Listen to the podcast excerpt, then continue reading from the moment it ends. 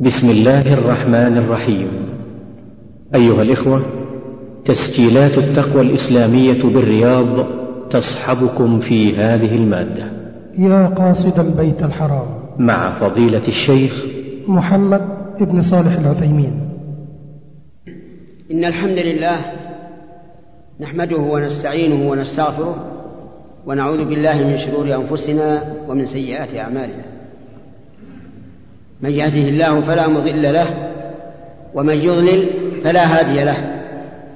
وأشهد أن لا إله إلا الله وحده لا شريك له وأشهد أن محمدا عبده ورسوله.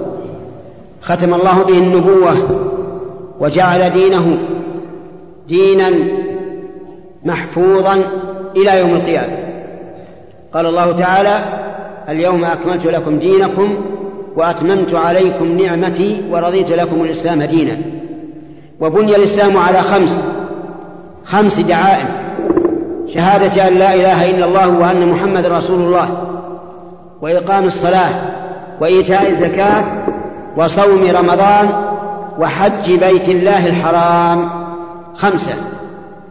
شهادة أن لا إله إلا الله وأن محمد رسول الله وإقام الصلاة وإيتاء الزكاة وصوم رمضان وحج بيت الله الحرام. في هذه الليلة ليلة الخميس الخامس من شهر ذي القعدة عام عشرين وأربعمائة وألف وفي مسجد ذي النورين في, الرياض نتكلم عن الحج عن شروطه وأركانه وواجباته ومحظوراته وصفته. لأن هذا اللقاء سيكون آخر لقاء في هذا المسجد في هذه الفترة من الزمن. فأولا نبدأ. حج البيت فرض بإجماع المسلمين. حج البيت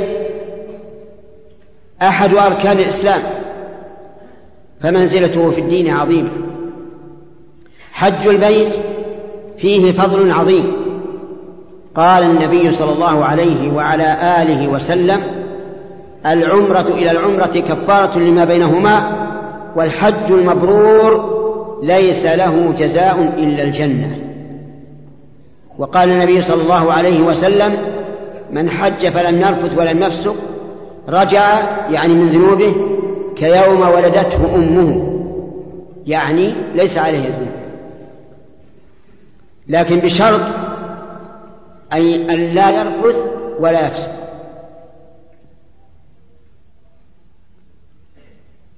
الحج كغيره من العبادات له شروط وله أركان وله واجبات وله مكملات وله محظورات. كم هذه؟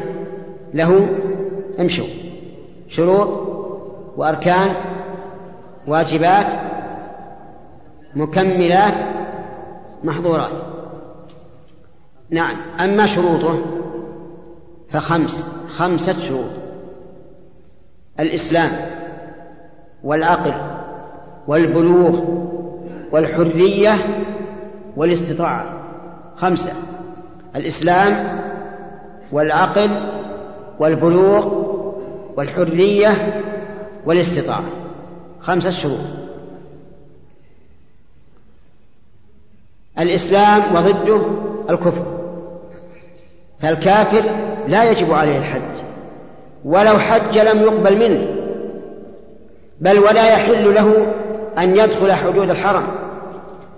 لقول الله تعالى يا أيها الذين آمنوا إنما المشركون نجس فلا يقربوا المسجد الحرام بعد عامهم هذا. وعلى هذا فمن لا يصلي لا يصح حجه. حتى لو حج.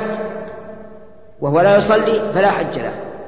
من لا يصلي لا يحل له أن يدخل حدود مكة لأنه من المشركين. قال النبي صلى الله عليه وعلى آله وسلم بين الرجل وبين الشرك والكفر ترك الصلاة. طيب. الثاني العقل وضده الجنون. فالمجنون لا يجب عليه الحج والمهذري لا يجب عليه الحج فلو أن إنسانا لم يكن عنده مال حتى بلغ سن الهدراه وصار يهذري فليس عليه حج لماذا؟ عجيب جماعة. لعدم عقله. هو غير عاقل. لا يعرف الليل من النهار ولا الولد من ولد الجيران ولا شيء.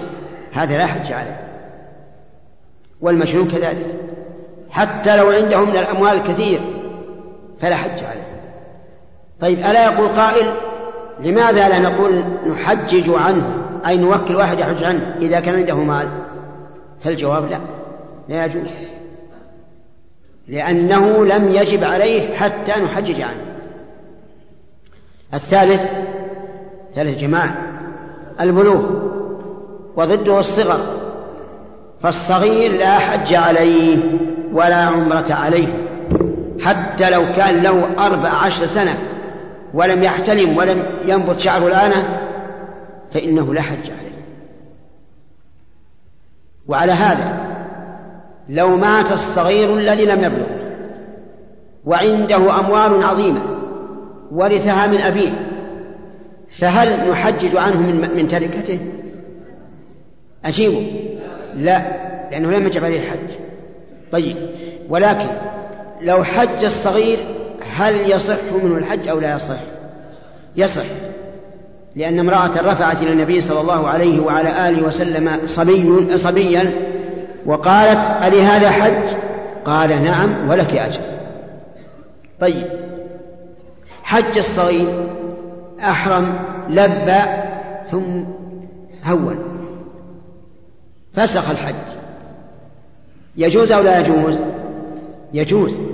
يجوز لأنه لم يكلف. وهذا يقع كثيرا. كثيرا ما يحرم الصبي الذي لم يبلغ ثم إذا جاء إلى إلى المسجد الحرام وجد الزحام والضنك قال هونت ماذا نقول له؟ نقول لازم تكمل ولا لا؟ عجيب يا جماعة. لا ما هو لازم يكمل. لأنه أصلا ما وجب عليه. طيب. استضاق من لبس الثوب ثوب الإحرام. وخلع ثوب الإحرام ولبس ثيابه هل عليه فدية؟ هل هو آثم؟ لا. لماذا؟ لأنه لم يكلف. لكن على وليه أن يقول يا ولدي اخلع الثوب والبس ثياب الإحرام. طيب. الرابع الحرية وضدها الرق. آه، الرقيق هو العبد المملوك. وهذا لا يوجد لكن نرجو الله أن يوجد. نرجو الله تعالى أن يقوي المسلمين حتى يقاتلوا اليهود وغيرهم من من أعداء الله وإذا قاتلوهم وسبوا نساءهم وذرياتهم يعني الصغار صار النساء والصغار إيش؟ رقاء ملكا للمسلمين. على كل حال الرقيق لا يجب عليه الحج. لماذا؟ لأنه لا يملك. ما عنده مال. المال الذي بيده لسيده. ولأنه مشغول بخدمة سيده. سيده يحتاجه. فلذلك لا يجب عليه الحج. الخامس الاستطاعة يعني أن يقدر الإنسان على الوصول إلى مكة. فإن كان عاجزا نظرنا إن كان عاجزا بماله يعني ليس عنده مال يحج به فلا شيء عليه. لا شيء عليه. وإن كان قادرا بماله لكن لا يستطيع ببدنه فعليه أن يوكل من يحج عنه. أرجو الانتباه. واضح؟ قم أي نعم. الذي لا يستطيع. نعم. غلط.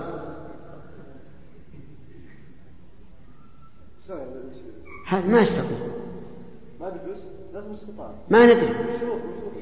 طيب وإذا كان لا يستطيع؟ ما يحج مرة. ما ندري. يمكن يعود الاستطاعة بعد فترة يمكن ما, ما يعود.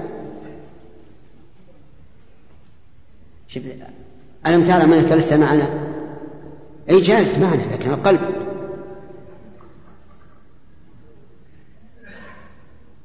فهمت؟ لا تكن ممن قال الله فيهم حتى إذا خرجوا من عندك قالوا للذين أوتوا العلم ماذا قال آنف. اصحى. اجلس. قل يا أخي قم. من لا يستطيع ماذا ماذا نقول له؟ اترك تنقسم قل لا لا حج عليه أو عليه حج.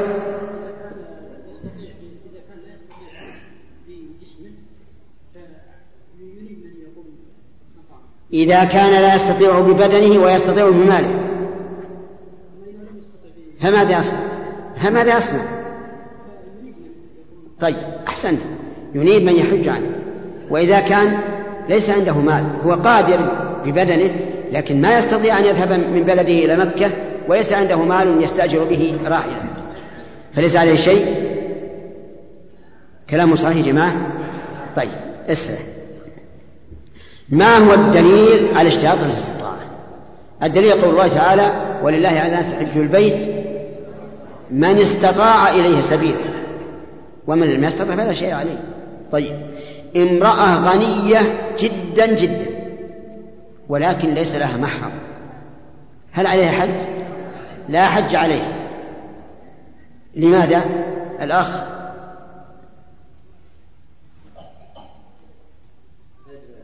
نعم لماذا؟ يقول سمع محرم نعم. غير مستطيعة تمام. هل هي غير مستطيعة حسا أو غير مستطيعة شرعا؟ شرعا. بارك الله فيك. اسمع نقول هذه المرأة اللي عندها مال كثير ولكن لم تجد محرما ليس عليه حج لو ماتت لا نحج من تركته ولا تحاسب عند الله عز وجل. لأنها غير مستطيعة. تقول يا ربي أنا ليس عندي محرم.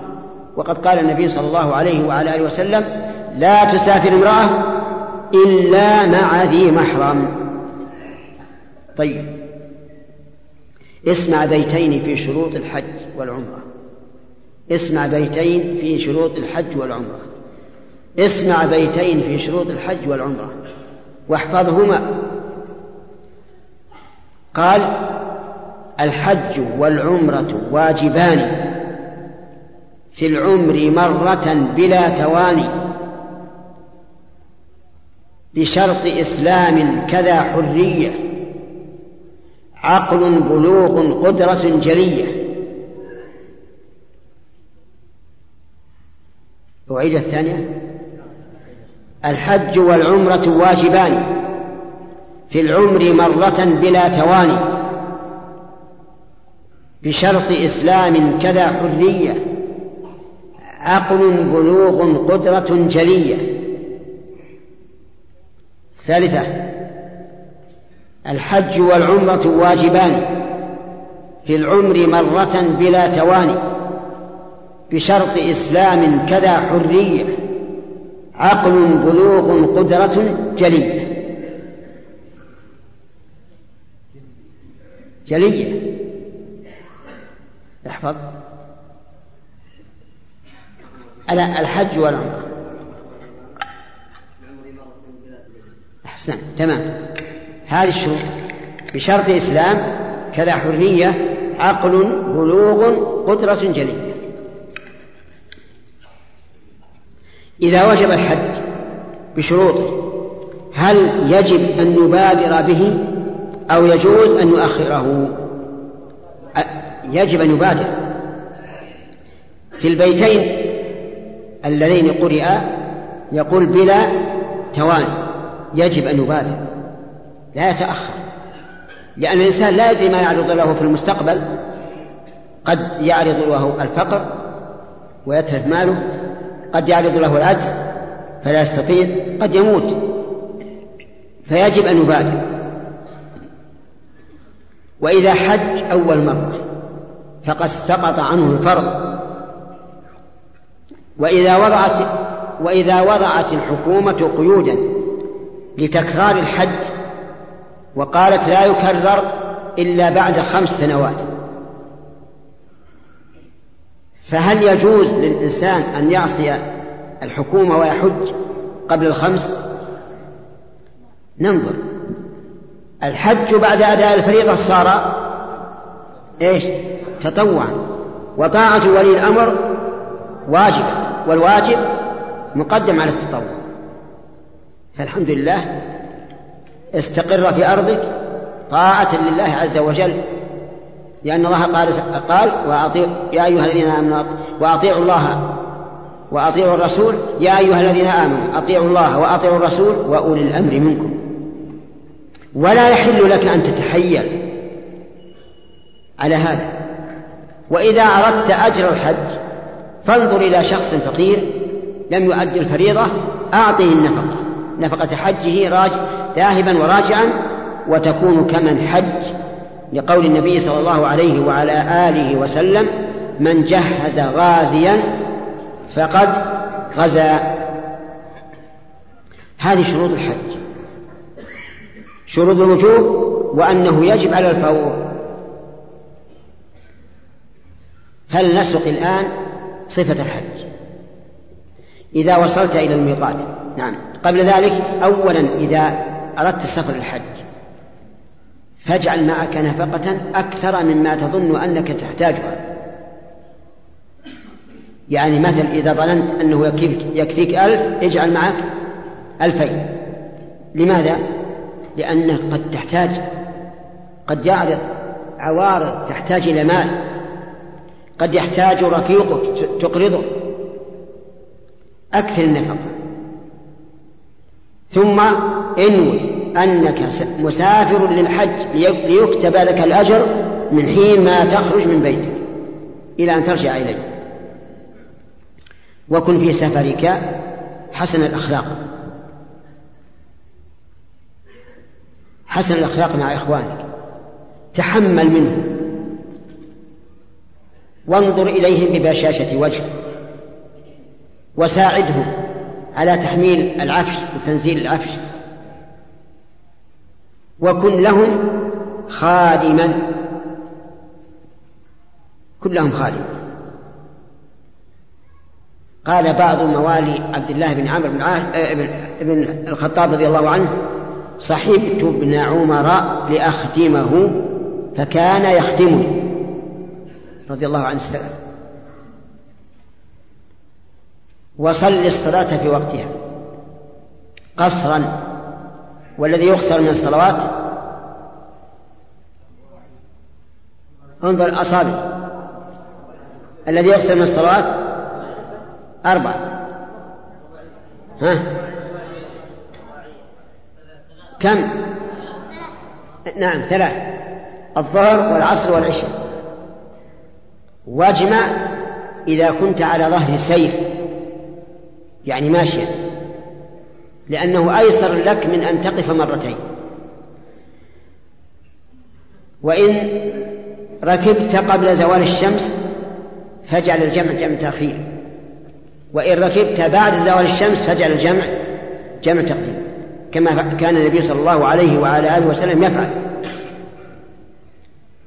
إذا وصلت إلى الميقات والمواقيت خمسة. ذو الحليفة لأهل المدينة الجحفة لأهل الشام يلملم لأهل اليمن قرن المنازل لأهل نجد ذات عرق لأهل العراق. إذا وصلت إلى الميقات فاغتسل كما تغتسل للجنابة. وتطيب في بدنك لا في ثوب الإحرام. والبس ثياب الإحرام وهي للرجل إزار ورداء والأفضل أن يكون أبيضين نظيفين. أما بالنسبة للنساء فليس لها لباس معين في الإحرام تلبس ما شاءت غير أن لا تتبرج بزينة ولا تكشف وجهها إذا كان حولها رجال غير محارم لها. ثم تلبي. إذا ركبت السيارة من من الميقات تلبي. وكيفية التلبية؟ أن يقول الإنسان لبيك اللهم لبيك لبيك لا شريك لك لبيك إن الحمد والنعمة لك والملك. تلبي يا صبي.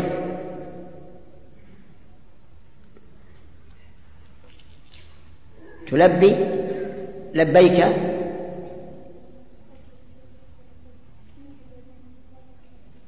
أحسنت تمام. لبيك اللهم لبيك. لبيك لا شريك لك لبيك. إن الحمد والنعمة لك والملك لا شريك لك. لبيك اللهم عمرة. هذه العمرة هي عمرة التمتع. ثم تلبي لا تزال تلبي. لبيك اللهم لبيك. لبيك لا شريك لك لبيك. إن الحمد والنعمة لك والملك لا شريك لك. لبيك اللهم عمرة. إلى أن تصل إلى مكة وتستمر إلى أن تبتدئ الطواف.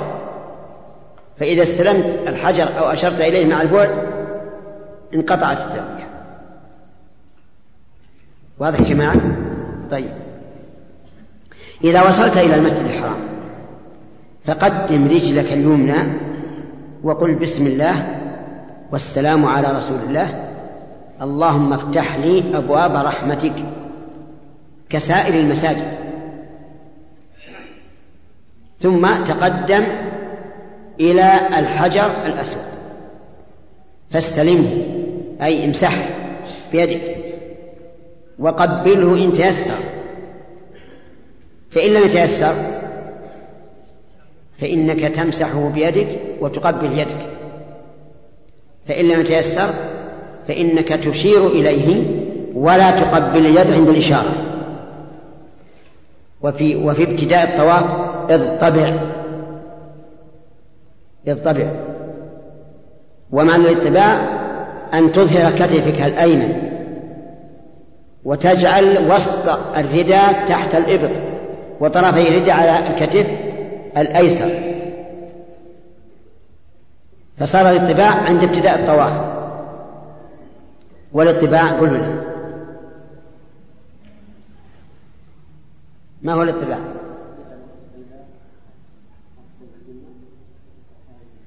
أي نعم أن يجعل وسط الرداء تحت إبطه الأيمن وطرفيه على كتفه الأيسر يظهر الكتف الأيمن. لأنه علامة على القوة والنشاط في جميع الطواف. وارمل في الأشواط الثلاثة الأولى. والرمل أن يسع الإنسان. دون أن يمد خطاه. ثلاثة أشواط من الحجر إلى الحجر. والأربعة الباقية لا لا لا يرمل فيها. وهذا من تيسير الله عز وجل أن الرمل خاص بإيش يا رجل؟ لا, لا بأي شوط أحسنت. بالأشواط الثلاثة الأولى. ويمشي في الأربعة الباقية لأجل أن لا يجهد نفسه ويتعب. فإذا أتم الطواف فقد أدى أدى الطواف وهو ركن كما سنذكره إن شاء الله. طيب لو قال قائل ماذا يقول عند استلام الحجر؟ أو الإشارة إليه. فالجواب أنه يقول بسم الله والله أكبر اللهم إيمانا بك وتصديقا بكتابك ووفاء بعهدك واتباعا لسنة نبيك صلى الله عليه وعلى آله وسلم. هكذا يقول. بسم الله والله أكبر اللهم إيمانا بك إلى آخره. لكن في في بقية الأشواط لا يقول إلا الله أكبر فقط.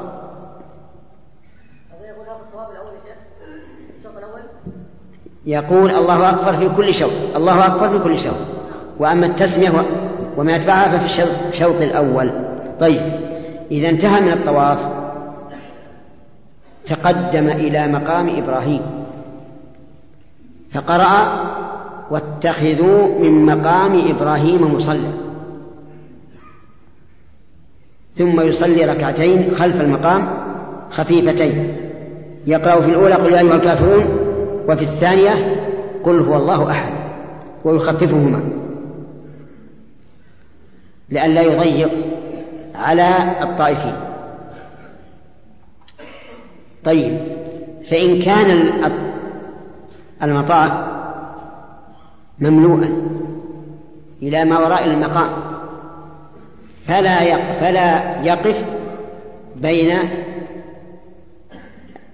يدي الطائفين بل يصلي في أي مكان لأن المطاف للطائفين فقط. ولهذا قدم الله تعالى ذكرهم في قوله طهر بيتي للطائفين والقائمين والركع السجود. تقرأ في الركعة الأولى قل يا أيها الكافرون وفي الركعة الثانية قل هو الله أحد فإذا سلمت فاخرج من المسجد إلى المسعى.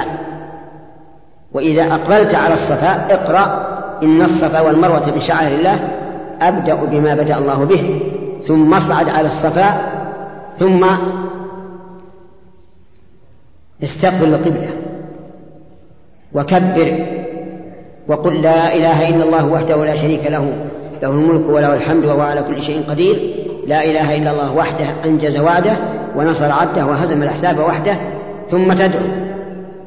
ثم تقول هذا الذكر مرة ثانية. ثم تدعو. ثم تقوله مرة ثالثة. ثم تنسى. متجها إلى إلى إيه؟ إلى المروة. تمشي مشيا معتادة. إلا إذا حاذيت العمود الأخضر فإنك تسرع إسراعا شديدا. حتى كان النبي صلى الله عليه وعلى آله وسلم يسرع إسراعا شديدا وإزاره تدور به صلوات الله وسلامه عليه. ولكن إذا كان المسعى ضيقا فلا تتعب نفسك وتؤذي وتؤذي غيرك. تمشي عادة ولا بأس. ثم تنتهي إلى الصفا. أو إلى المروة. نعم. الآن هو نزل من الصفا متجها إلى المروة. وسعى بين العلمين. ثم يمشي إلى يصل إلى المروة فيقف عليها ويتجه إلى القبلة ويرفع يديه ويدعو بما ادعى به على الصفا ثم ينزل. يفعل هذا سبع مرات. من الصفا إلى المروة شوط ومن المروة إلى الصفا شوط آخر فإذا أتم سبعة أشواط قصر من شعر رأسه. يعني أنه يقص من شعر الرأس من جميع شعر الرأس لا من جهة واحدة منه. والمرأة تقص من ضفائرها فقط بقدر أنملة. وبذلك يحل التحلل الأول. منين؟ من العمرة. فيبقى محلا حلا تاما يجوز له جميع محظورات الإحرام. فإذا كان اليوم الثامن أحرم بالحج. ويغتسل ويلبس ثياب الإحرام ويتطيب ويقول لبيك اللهم لبيك لبيك لا شريك لك لبيك. إن الحمد والنعمة لك والملك لا شريك لك. لبيك اللهم حجا. ويخرج ضحى اليوم الثامن إلى منى. ويبقى فيها. يصلي الظهر والعصر والمغرب والعشاء والفجر. قصرا بلا جمع. يعني كل صلاة في وقتها مقصورة. والذي يقسم من الصلاة من الصلوات ثلاث الظهر كمل والعصر والعشاء. طيب. يبيت في منى. فإذا طلعت الشمس سار إلى عرفة. لكن إن تيسر أن ينزل بنمرة وهي مكان قريب من عرفة حتى تزول الشمس ثم يذهب إلى عرفة ويقف فهو أفضل. وإن لم يتيسر فلا حرج أن يستمر الإنسان في سيره من منى إلى عرف رأسه. وهناك يعني في عرفة يصلي الظهر والعصر جمع تقديم مع القصر. ثم يتفرغ بعد هذا لدعاء الله وذكره والثناء عليه وقراءة القرآن وغير ذلك. فإذا قال أنا لا أعرف الدعاء قلنا قلنا له ادعو الله بما شئت. وإلا فخذ المصحف واقرأ فإذا وصلت آية عذاب فتعوذ بالله. وإذا وصلت آية رحمة فاسأل الله من فضله. وهذا مما يعين الإنسان على الدعاء. لأنه أحيانا الإنسان مع طول المدة يكسل ولا يجد دعاء يدعو به. فنقول الحمد لله جرب. اقرأ القرآن وكلما مررت بآية رحمة فاسأل الله وكلما مررت بآية وعيد فتعوذ بالله. إلى متى؟ إلى أن تغرب الشمس. فإذا غربت الشمس فسر منها أي من عرفة إلى مزدلفة. وتنزل هناك وتبيت ليلة العيد في منى وفي آخر الليل يجوز. نعم في مزدلفة. تبيت ليلة العيد في مزدلفة وفي آخر الليل يدفع من مزدلفة الصغار والنساء والضعيف ومن لا يستطيع مزاحمة الناس. ينصرفون في آخر الليل. يعني إذا غاب القمر. انصرفوا إلى منى فإذا وصلوا إلى هناك رموا أما القادرون فإنهم يبقون في مزدلفة حتى يصلوا الفجر وبعد صلاة الفجر يتفرغون للدعاء حتى يسفر جدا. إذا ظهر السفر يعني سفر الشمس فادفع قبل أن تطلع الشمس. إلى إلى إيش؟ إلى منى. فابدأ بها قبل كل شيء. برمي جمرة العقبة. وهي آخر الجمرات مما يلي مكة. ترميها بسبع حصيات وتكبر مع كل حصاة. الله أكبر الله أكبر الله أكبر الله أكبر الله أكبر الله أكبر الله أكبر. مع كل حصاة. ولا حاجة إلى البسملة. وبعض الناس يبسمل يقول بسم الله والله أكبر. هذا غير صحيح. الوارد إنما هو إيش؟ التكبير فقط. إذا رميت جمرة العقبة تعبدا لله وتأسيا برسول الله صلى الله عليه وعلى آله وسلم وامتثالا لقول الله تعالى وأتموا الحج والعمرة لله. إذا رميت جمرة العقبة فانحر. إيش انحر؟ الهدي سواء كان بعيرا أو شاة أو بقرة. ثم احلق رأسك. في الأول في العمرة قلنا قصر لأن الوقت قريب. لا يمكن أن ينبت الشعر فيه. ما بين العمرة والحج. لكن في الحج ليس هناك وقت محدد. فاحلق الرأس كله بالموسى. لقول النبي صلى الله عليه صلى الله عليه وعلى آله وسلم اللهم ارحم المحلقين. قالوا والمقصرين. قال اللهم ارحم المحلقين. قالوا والمقصرين. قال اللهم ارحم المحلقين. قالوا والمقصرين. قال والمقصرين. فأيهما أفضل؟ الآن أيهما أفضل؟ الحلق. لأن النبي صلى الله عليه وعلى آله وسلم دعا للمحلقين ثلاثة وللمقصرين مرة. بعض الناس يكون شعر رأسه عنده غاليا لأنه يحب أن يتفنن في قصه ويقول في نفسه أنا لن أحلق. أنا سوف أقصر. فنقول لا بأس. اقتصر على التقصير ولا حرج. ولكن اعلم أن الأفضل إيش؟ أن تحلق فلا تحرم لا تحرم نفسك من هذا الخير.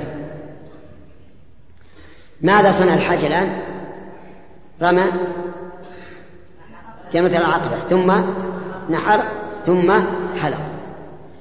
الآن حل التحلل الأول. ولم يبقى عليه إلا ما يتعلق بالنساء من المحظورات. ثم ينزل إلى مكة يوم العيد وهذا مع التيسر فيطوف ويسعى للحج ولا للعمرة؟ للحج لأن العمرة انتهت وهنا لا يرمل في الطواف ولا يضطبع في الطواف. لأن الرمل والاطباع إنما يكونان في الطواف أول ما يقدم. ثم يرجع إلى منى فيبيت بها ليلة الحادي عشر.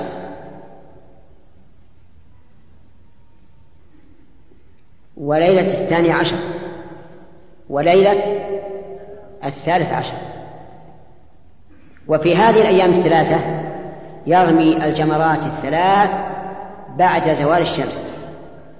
يرمي كل واحدة بثلاث حص... بسبع حصيات متعاقبات. و... وينوي. إذا رمى آه، ثلاث جمرات متعاقبات ينوي بذلك التأسي برسول الله صلى الله عليه وعلى آله وسلم. ويبيت في منى ليلة الحادي عشر. والثاني عشر. والثالث عشر إن تأخر وإن تعجل في يومين خرج قبل أن تغيب الشمس من اليوم الثاني عشر. فإذا أراد أن يرجع إلى أهله فإنه لا يرجع حتى يطوف طواف الوداع. كقول النبي صلى الله عليه وعلى آله وسلم حينما رأى الناس ينصرفون أي إن أنهوا حجهم قال لا ينصرف حد أحد حتى يكون آخر عهده بالبيت. إلا أنه يعفى عن الحال والنفساء فلا وداع عليهم. هذه كيفية الحج المطلوبة المستحبة فخذ بها يا أخي. وأنت لا تدري أتحج بعد عامك أو لا ولا تدري هل يكون عندك الفرغة والمال في الزمن المستقبل أو لا. وقد قال الله تعالى هو الذي خلق الموت والحياة. إيش؟ ليبلوكم أيكم أحسن عملا. فأحسن العمل. نرجع الآن إلى معرفة أركان الحج فنقول ذكر العلماء أن أركان الحج أربعة. النية. والثاني الطواف. والثالث الوقوف بعرفة والرابع السعي بين الصفا والمروة هذه أربعة. أركان الإسلام. آه، أركان الحج.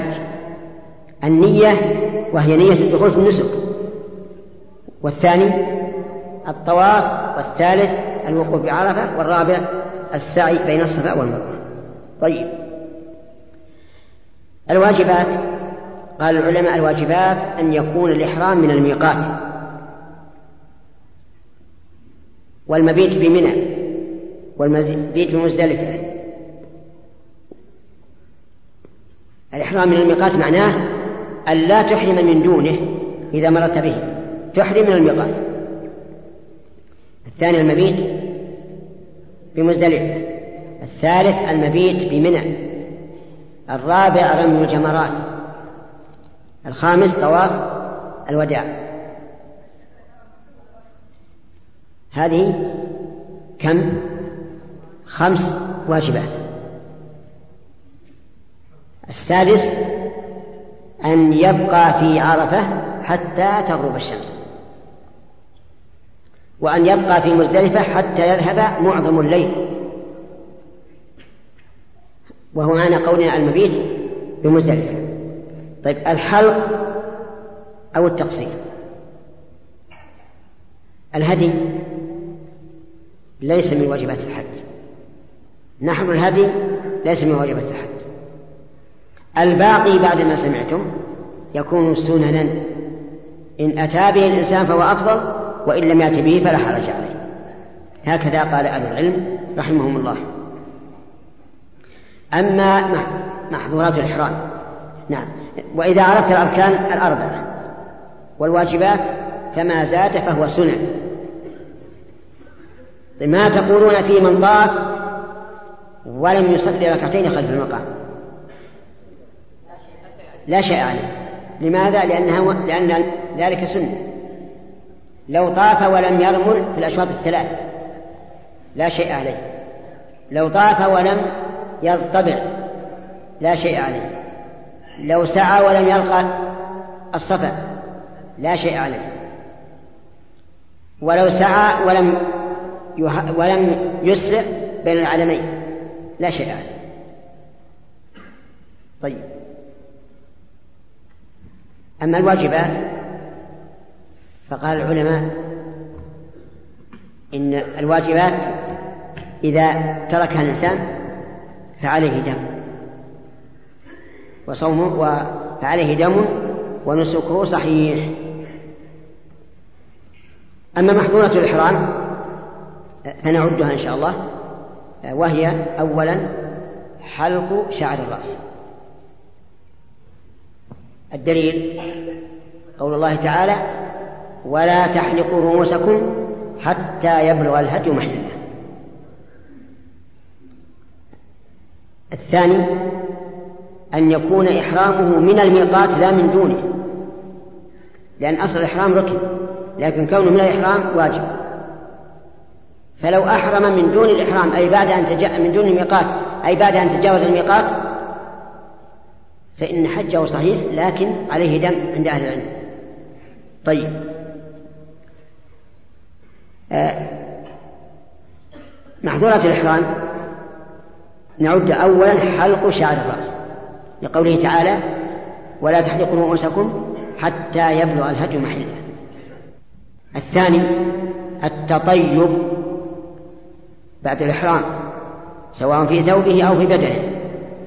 لقول النبي صلى الله عليه وعلى آله وسلم في الرجل الذي وقصته ناقته لا تحنطوه يعني لا تطيبوه فإنه يبعث يوم القيامة ملبيا. هذا رجل كان واقفا بعرفة مع المسلمين فسقط من راحلته فمات. فجاءوا يسألون النبي صلى الله عليه وسلم ماذا نصنع به؟ قال اغسلوه بالماء والسدر وكفنوه في ثوبيه ولا تخمروه ولا تحن نعم ولا تخمروا رأسه ولا تحنطوه فإنه يبعث يوم القيامة ملبيا. طيب كم محظورا ذكرنا؟ حلق الرأس التطيب الثالث الجماع الرابع الرابع الجماع. والجماع أعظم المحرمات. ولهذا إذا وقع قبل التحلل الأول في الحج أوجب أولا الإثم. والثاني فساد النسك. والثالث وجوب المضي فيه. والرابع وجوب قضائه من العام المقبل. والخامس بدنه يذبحها في مكة ويوزعها على الفقراء. هذا الجماع. وأما المباشرة التي دون الجماع فهذه لا, لا, لا توجب هذه الأشياء. هي من المحظورات لكن لا توجب هذه الأشياء. ومن المحظورات قتل الصيد. لقوله تعالى يا أيها الذين آمنوا لا تقتلوا الصيد وأنتم حرم. ومن المحظورات لبس الرجال. القميص والسراويل والبرانس والعمائم. بعدها والخفة. هذه من محظورات الإحرام. وما كان مثلها فهو, فهو محظور من محظورات الإحرام. يقول العلماء رحمهم الله محظورات الإحرام أنواع. منها ما لا فدية فيه. اترك اللحية يا رجل اترك اللحية منها ما لا فدية فيه. نعم؟ إيش؟ إيش؟ إيش؟ نعم. يقول العلماء رحمه الله فعل المحظورات. نعم يقولون المحظورات تنقسم إلى أقسام.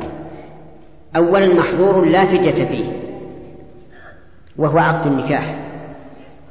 فلو تزوج الرجل امرأة فالنكاح غير صحيح لكن ليس فيه فدية. إلا إذا كان بعد التحلل الثاني. فيصح. الثاني ما فديته بدنه وهو الجماع في الحج قبل التحلل الأول.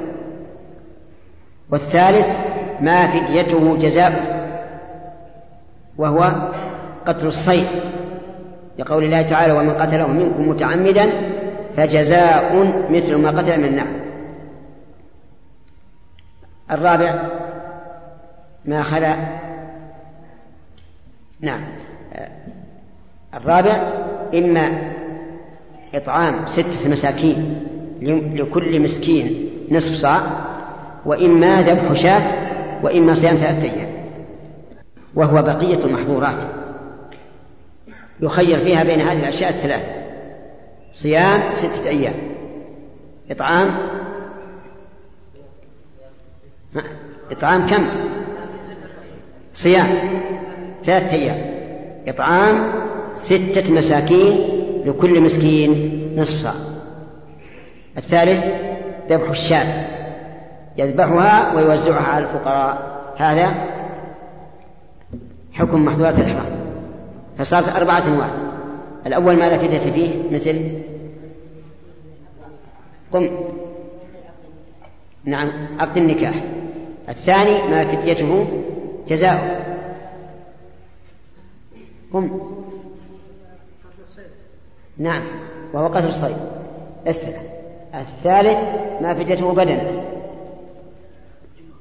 ها؟ الجمار؟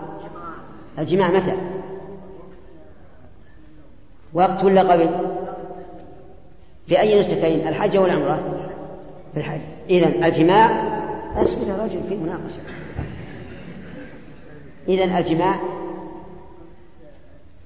قبل التحلل الأول في الحج ولا في وقت الحج؟ في وقت الحج؟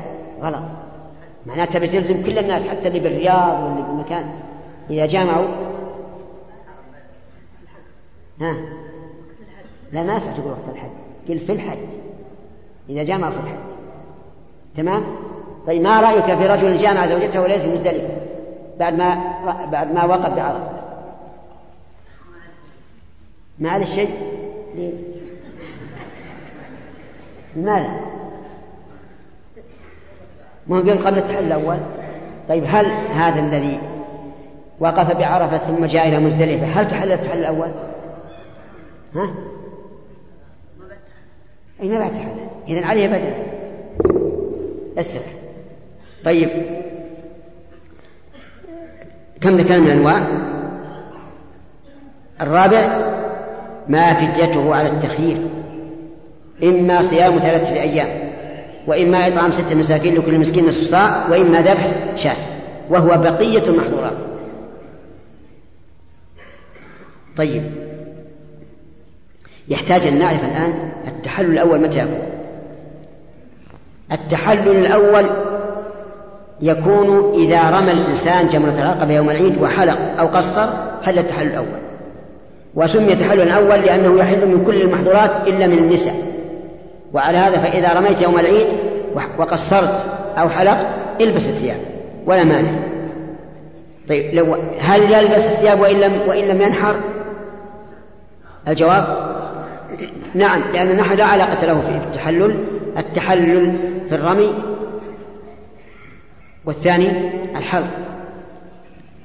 أما النحل فلا علاقة له في ذلك. واعلم أن هذه المحظورات ليست ليست محظورات إذا وقعت على وجه النسيان. فلا شيء فيها. يعني لو نسي الإنسان وتطير ثم ذكر وأزال الطيب على طول ماذا عليه؟ لا شيء عليه لو أن الإنسان صار جاهلا ولبس ليلة مزدلفة قبل أن يصل إلى منى ماذا عليه؟ ليس عليه شيء لأنه لا جاهل وقد قال الله تعالى ربنا لا تؤاخذنا إن نسينا أو أخطأنا طيب لو أنه قتل صيدا وهو لا يدري أنه أنه حرام. لا شيء عليه. ولو قتل صيدا ناسيا أنه محرم فلا شيء عليه. لقوله تعالى ربنا لا تؤاخذنا إن نسينا وأخطأنا فقال الله تعالى قد فعلت. أذن.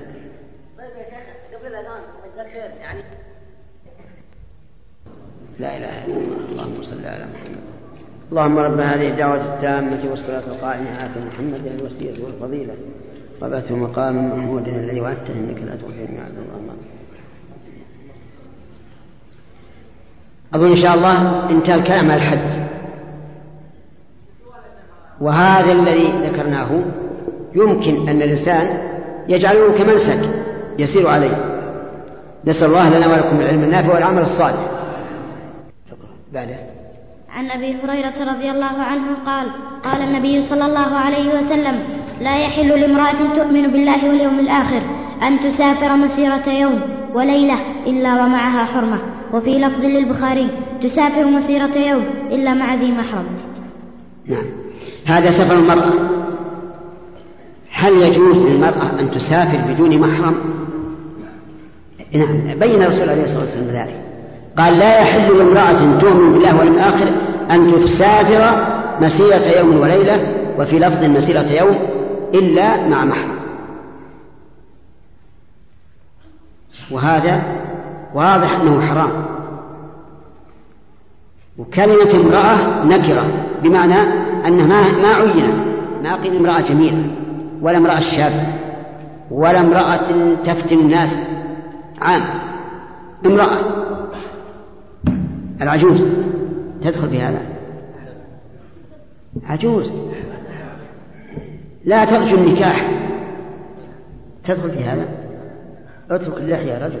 ترى تروح عليك. طيب. تدخل في هذا؟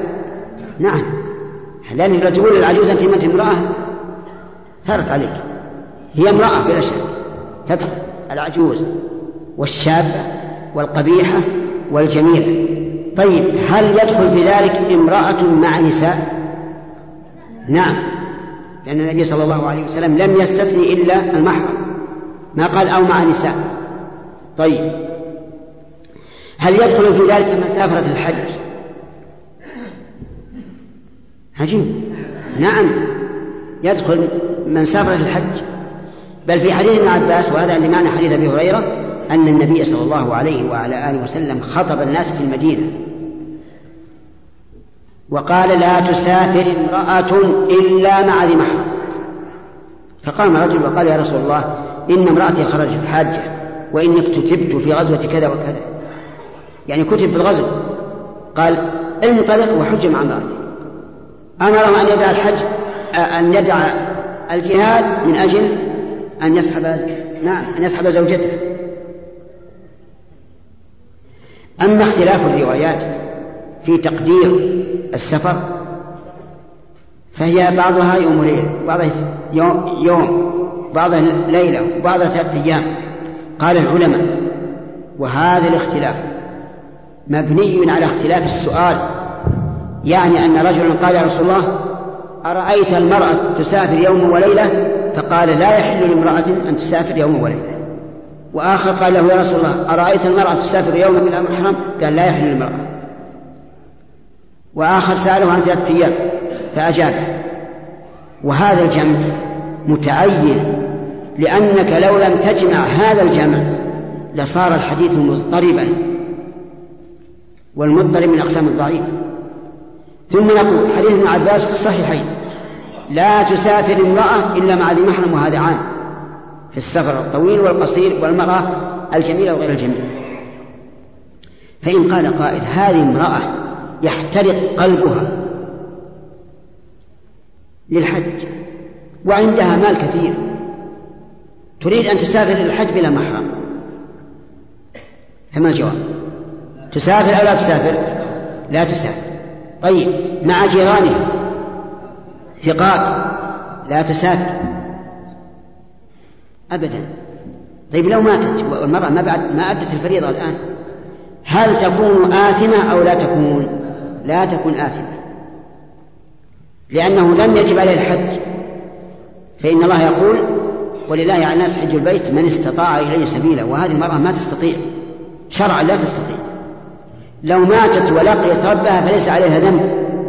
ولو حجت فعليها ذنب.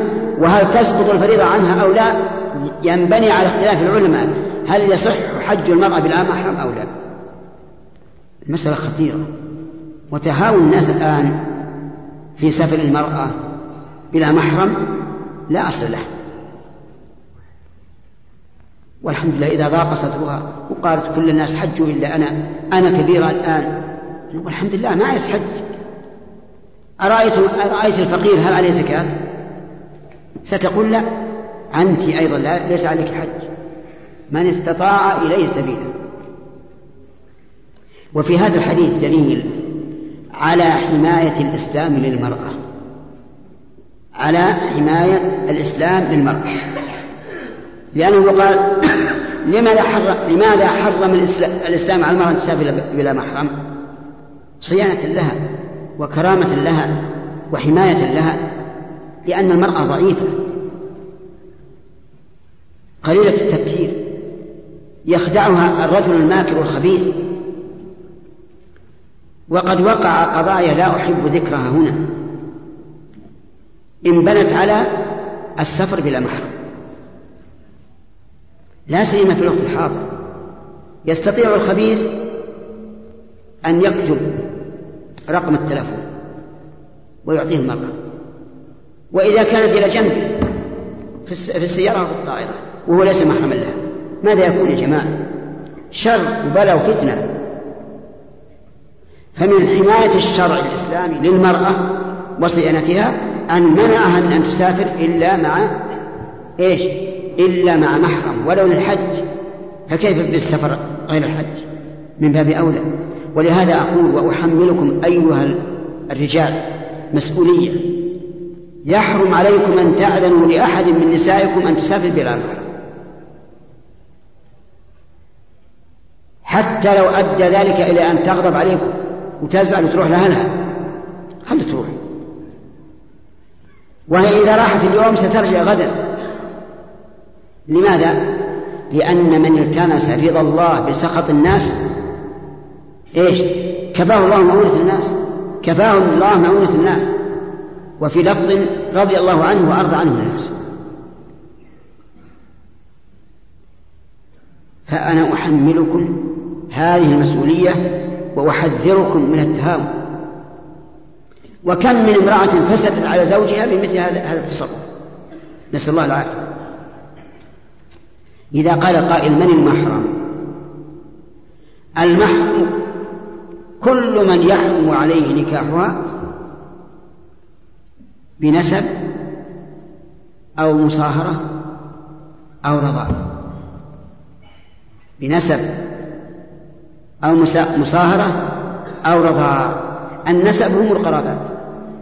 النسب يعني القرابة. والمصاهرة أقارب الزوجين. والرضاعة معروف. وهن نسب من المحرمات بالنسب؟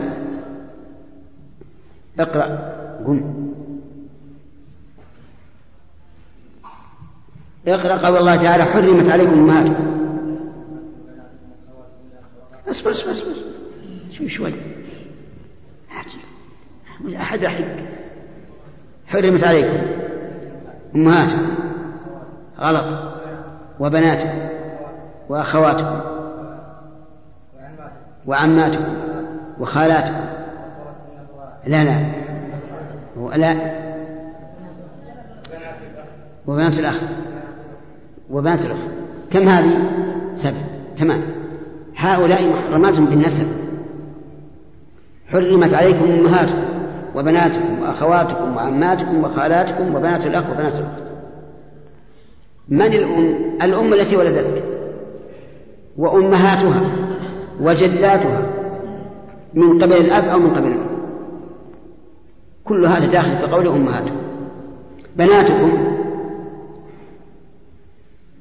من ولدت من صلبك. أو من صلب أبنائك أو من بطون بناتك. يعني يدخل فيها من؟ البنات وبنات الإبن وبنات البنت. وإن نزل. وأخواتكم يشمل الأخت الأخت الشقيقة والأخت لأب والأخت لأم. ويشمل أخت الأب وأخت الخال. ها؟ انتبهوا يا جماعة إيش قلت؟ يشمل أخت الأب ولا ما يشمل؟ لا يشمل يا جماعة.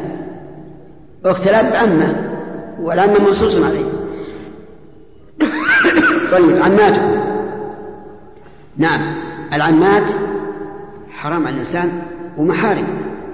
طيب العمة عمة الإنسان وهي أخت أبيه.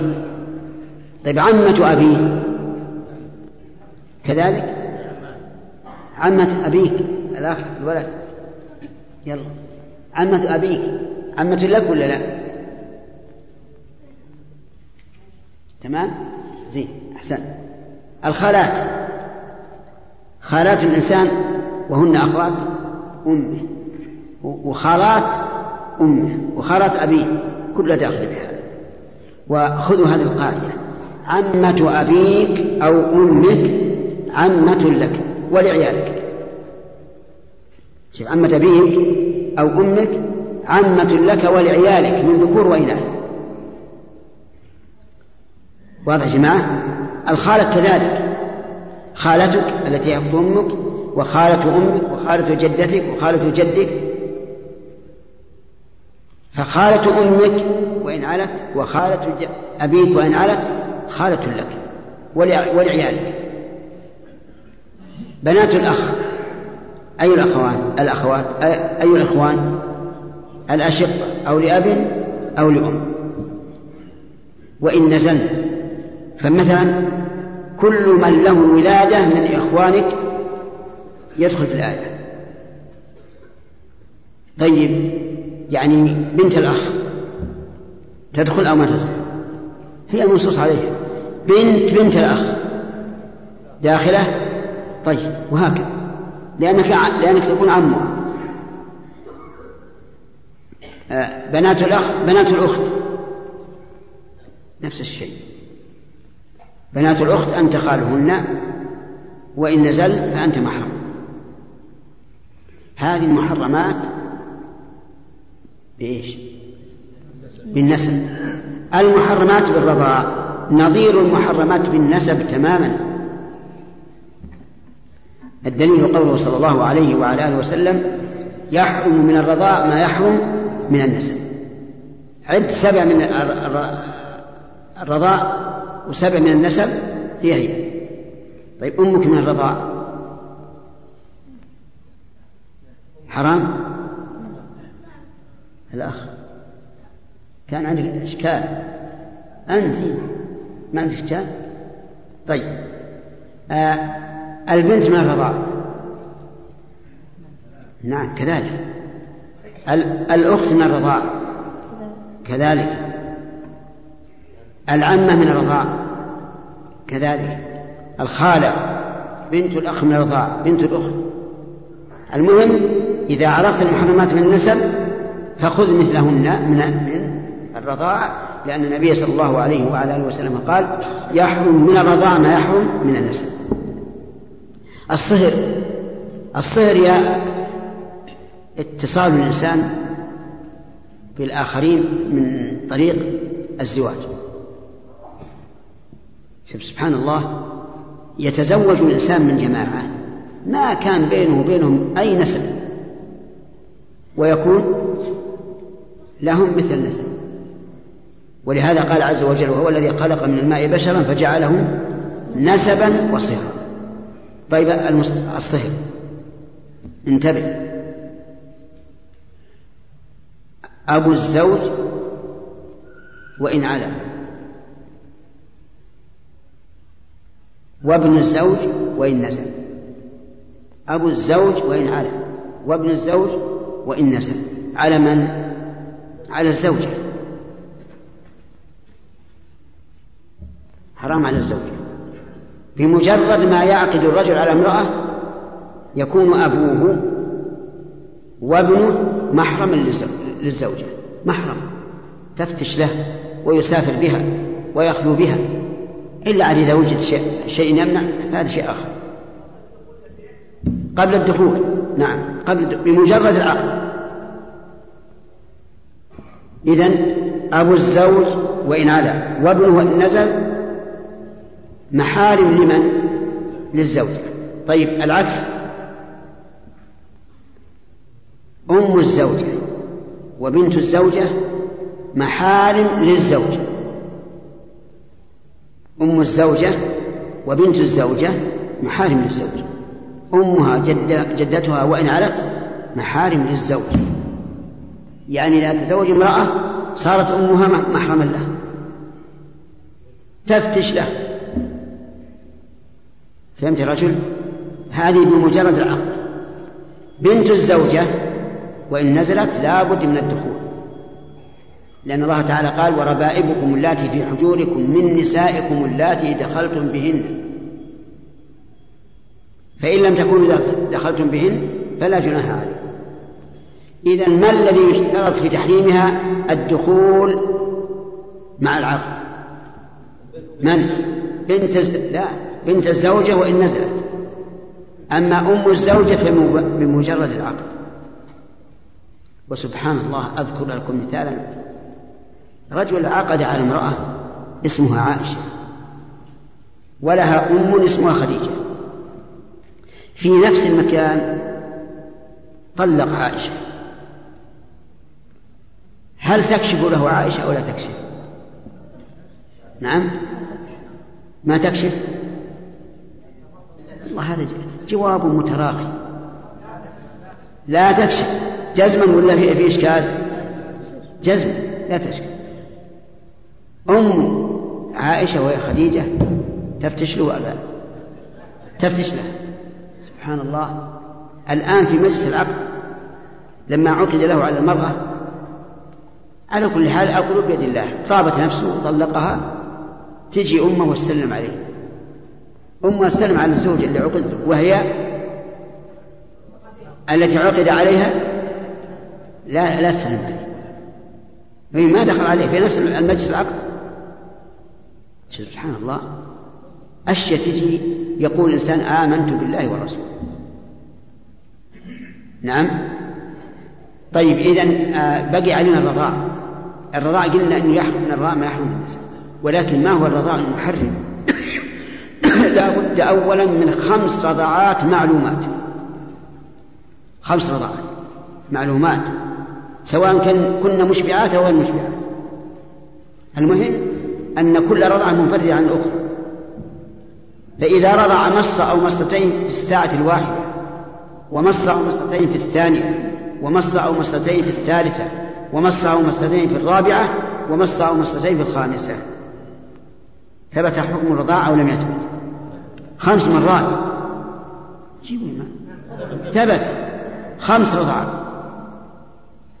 ثبت. طيب آه رضع أربع مرات. يثبت حكم الرضاع أو لا؟ لا يثبت. صحيح. لا يثبت.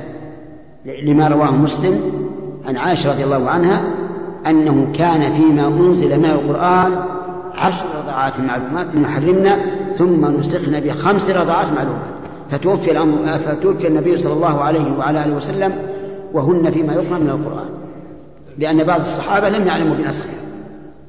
طيب. لو أن إنسانا رضع من امرأة أربع رضعات أربع رضعات فقط ثم كبر الراضع في السنة الثالثة بعد ما فطم وكبر كان يعبث في ثديها ورضع وش الرضع هذه؟ الخامسة هل يكون ولدا لها؟ يكون ولدا لها؟ لا يكون لأنه تعدى وقت الرضاع فلا يكون ولدا لها سبحان الله منه رضع أربع مرات. يقول نعم لابد من خمس. طيب إذا شكت المرضعة قال أنا أرضعته عددا ولكن لا أدري أخمس أم أربعة أو ثلاث أو مئة. هل يثبت الرضاع ولا لا؟ لا يثبت. لابد من خمس رضعات معلومات. وحين وحينئذ يثبت حكم الرضاع. زعم بعض العلماء رحمهم الله أن رضاع الكبير مؤثر. رضاع الكبير مؤثر. يعني لو أن امرأة أرضعت رجلا كبيرا له عشرون سنة خمس مرات. في كل صباح تصلح له دلة من ثديها. نعم. وترضعه. ذهب بعض العلماء إلى أن الرضاع مؤثر. قال لأن الآية مطلقة. أمهاتكم لا ترضعن.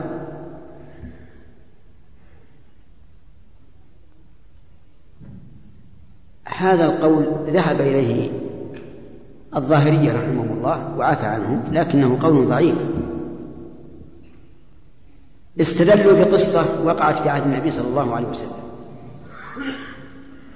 وهو سالم مولى أبي حذيفة. كان قد تبناه زوجها قبل أن ينسخ التبني. ومعلوم ابن التبني فيما سبق مثل الابن المولود. يدخل البيت ولا يتغطون عنه ولا شيء. فشق عليهم لما أبطل الله التبني شق عليه.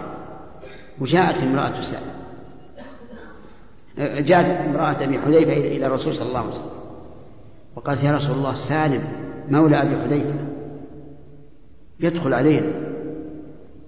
قال لها أرضعيه تحرمي عليه وهو كبير يقضي حاجات يخدمه أرضعيه تحرمي عليه قالوا هذا دليل على أن رضاع الكبير ها؟ محرم ومؤثر. ولكن جمهور العلماء على خلاف ذلك. وأجابوا عن الحديث بأن هذا خاص بسالم لأن قضيته لا يمكن أن تتكرر. السبب أنه لا يمكن تتكرر لأن التبني باطل وهي إنما وقعت في ابن تبني ثم شق التحرز منه. وبهذا يكون قصة سالم خاصة بمن كانت حاله مثل حاله وهذا غير ممكن. مشكل على القول بأن رضاع الكبير محرم فيه إشكال كثير لو أننا قلنا به. مشكلة اجتماعية. تكون كل امرأة لا تحب زوجها. إيش؟ ترضعه نعم؟ وإذا رضعته صار صار حرام عليه ولدها. وهذه مشكلة اجتماعية. فالمهم الحمد لله أن هذا قول ضعيف ولا ولا عبرة به. ولا عمل عليه. لكن ذكرناه من أجل أنه قد يرد على أسماعكم هذا القول وقد يرد عليكم سؤال. أن بعض الأزواج يعبث في ثدي زوجته. بعض الأزواج يتمتع بكونه يرضع من زوجته. نعم. عاد إما جالسا وإما أن تمد رجليها ويضع رأسه على على رجليها ويقدر وهو زوج. بعض الناس يعبث إلى هذا العبث هذا بالحقيقة ننهاه عن هذا نهيا شديدا. ليش ننهاه؟ لأن بعض علماء المسلمين قال إنه إذا فعل هذا حرمت عليه. لأنه فليحذر هؤلاء الذين يتمتعون على هذا الوجه ليحذروا من هذا. لأنه لو فعلوا لكانت المرأة الآن أجنبية منهم. على رأي بعض علماء المسلمين. وهذه مشكلة. انتهينا الآن من الكلام على المحرم وأن المرأة لا يجب عليها الحج حتى تجد محرما. طيب إذا قالت المرأة أنا لي محرم وهو أخي الشقيق مثلا لكن لن يحج بي إلا بدراهم وأنا ليس عندي نفقة إلا مقدار نفقتي أنا. فهل يجب عليها أن تستدين لتحج بأخيها؟ لا يجب. نقول الحمد لله الحج ليس واجبا عليك الآن. حتى تجدي نفقة أخيك الذي هو محرم ونفقتك نعم. باب الفدية. عن عبد الله بن معقل رضي الله عنه قال جلست إلى كعب بن عجرة فسألته عن الفدية. فقال نزلت في خاصة وهي لكم عامة. حملت إلى رسول الله صلى الله عليه وسلم والقمل يتناثر على وجهي. فقال ما كنت أرى الوجع بلغ بك ما أرى أو ما كنت أرى الجهد بك بلغ بك ما أرى. أتجد شاه؟ فقلت لا. قال فصم ثلاثة أيام أو أطعم ستة مساكين لكل مسكين نصف صاع. وفي رواية فأمره رسول الله صلى الله عليه وسلم أن يطعم فرقا بين ستة أو يهدي شاة أو يصوم ثلاثة أيام. نعم. الفدية ما يفدي به الإنسان نفسه من الإثم. انتبه. الفدية ما يفدي به الإنسان نفسه من الإثم. يعني مثل الإنسان إذا فعل محظورا من محظورات الإحرام. فعليه الإثم لكن من رحمة الله أن أن هذه الفدية تسقط عنه الإثم. أن هذه الفدية تسقط عنه الإثم. اسمع حديث كعب بن عجرة. كعب بن عجرة رضي الله عنه أصيب بمرض. والمريض في الغالب يكون عنده أوساخ. فيما سبق. أوساخ فحمل كعب إلى النبي صلى الله عليه وعلى آله وسلم والقمل يتناثر على وجهه من رأسه.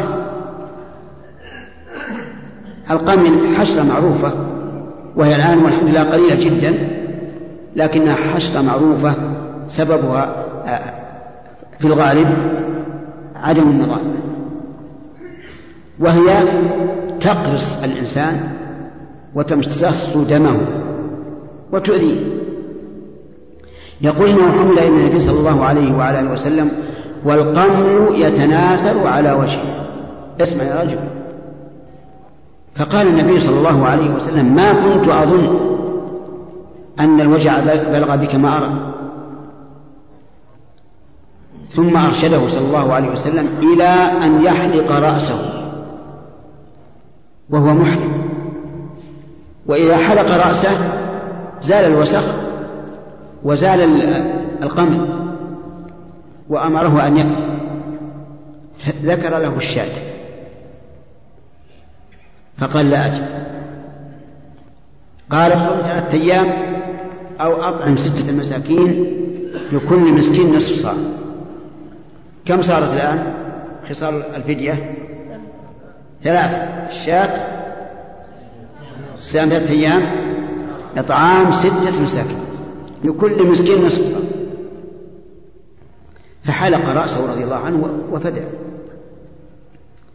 وقد أشار الله تعالى إلى هذا في قوله ولا تحلقوا رؤوسكم حتى يبلغ الهدي محلة فمن كان منكم مريضا أو به أذى من رأسه يعني وحلق ففدية أي فعليه فدية من صيام أو صدقة أو نسك. والصيام بينه النبي صلى الله عليه وسلم أنه ثلاثة أيام. والصدقة إطعام ستة مساكين لكل مسكين نصف صاع. والشاة جذع من الضأن أو ثني مما سواه يذبح ويوزع على الفقراء. هذه فدية حلق الرأس. وأظنها واضحة. فلو احتاج الإنسان وهو محرم إلى حلق رأسه قلنا احلق رأسك وعليك هذه الفدية نعم الأذان تفضل الدعوة التامة والصلاة القائمة آت محمد الوسيلة والفضيلة وبعثه مقام محمودا الذي وعدته نعم إيه، انتبه يا أخي الآن هذا المحظور من محظورات الإحرام وهو حلق الرأس. فيه وهي إما إما صيام ثلاثة أيام. أو إطعام ستة مساكين لكل مسكين نصف صاع أو ذبح شاة توزع تذبح وتوزع هل هناك فدية أخرى؟ نعم. نذكرها إن شاء الله الآن. الصيد إذا قتله المحرم ففيه جزاء. قال الله تعالى فجزاكم مثل ما قتل من النعم مثال ذلك الشاة. نعم مثال ذلك الحمامة. إذا قتلها المحرم فعليه شاة. يذبحها ويوزعها على فقراء مكة. هذا صنفان. فدية الصيد ما هي؟ لا لا. جزاء مثل ما قتل من النعم. قد تكون شاة وقد تكون غير شاة. النعامة فيها بعير. لأن أش... لأن أقرب ما يكون شبه من النعامة البعير. طيب. الحمامة فيها شاة. الثالث ما فديته بدنه. ثنية.